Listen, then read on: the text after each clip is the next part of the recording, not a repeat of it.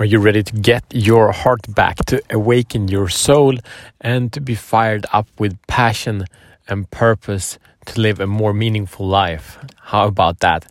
So, today we'll share a powerful message, and I really invite you to become more of who you are and maybe forgotten about. Even if that, this doesn't make any sense, stay on and you will enjoy. Welcome to Show the Fuck Up podcast. My name is Matt Fyron, and this show is for men that are ready to free themselves from the prison of playing small and unleash their personal greatness. So thank you for being here. Thank you for having the courage to show the fuck up and be here and be inspired, be provoked, be uh, whatever. Uh, thanks for playing. You're in the game. That's freaking awesome. Thank you. So, what's going on? Okay, we've been on this topic a little bit before, but we'll go a bit deeper today. To the point that uh, most men's hearts are dead today, right? Uh, like, are you connected? Do you feel in connection, in in in resonance with your heart? Do you feel that your heart is communicating to you what is right and wrong, what is the best for you? For most men, it's not. And I speak a lot of guys that desire that.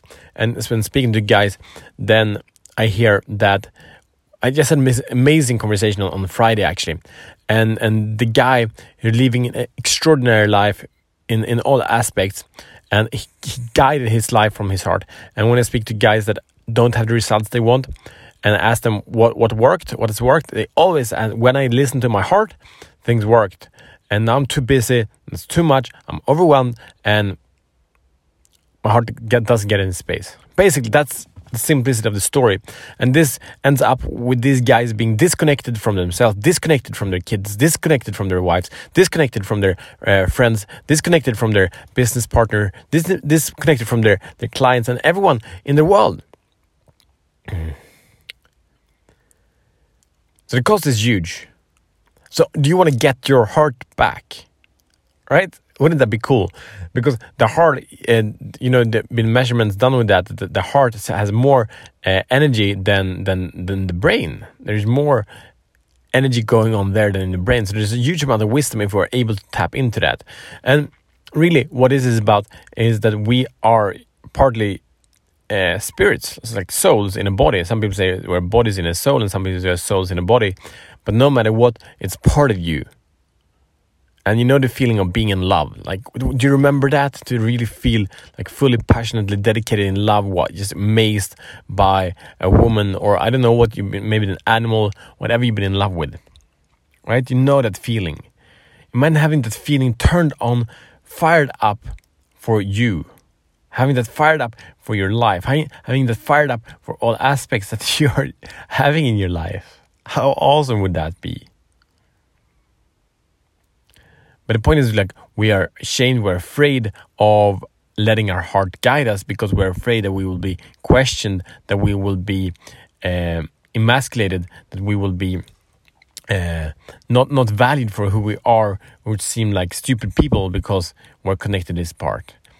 And this happens because the world out there um, is measured in numbers, and the harder you don't measure the numbers, you experience it.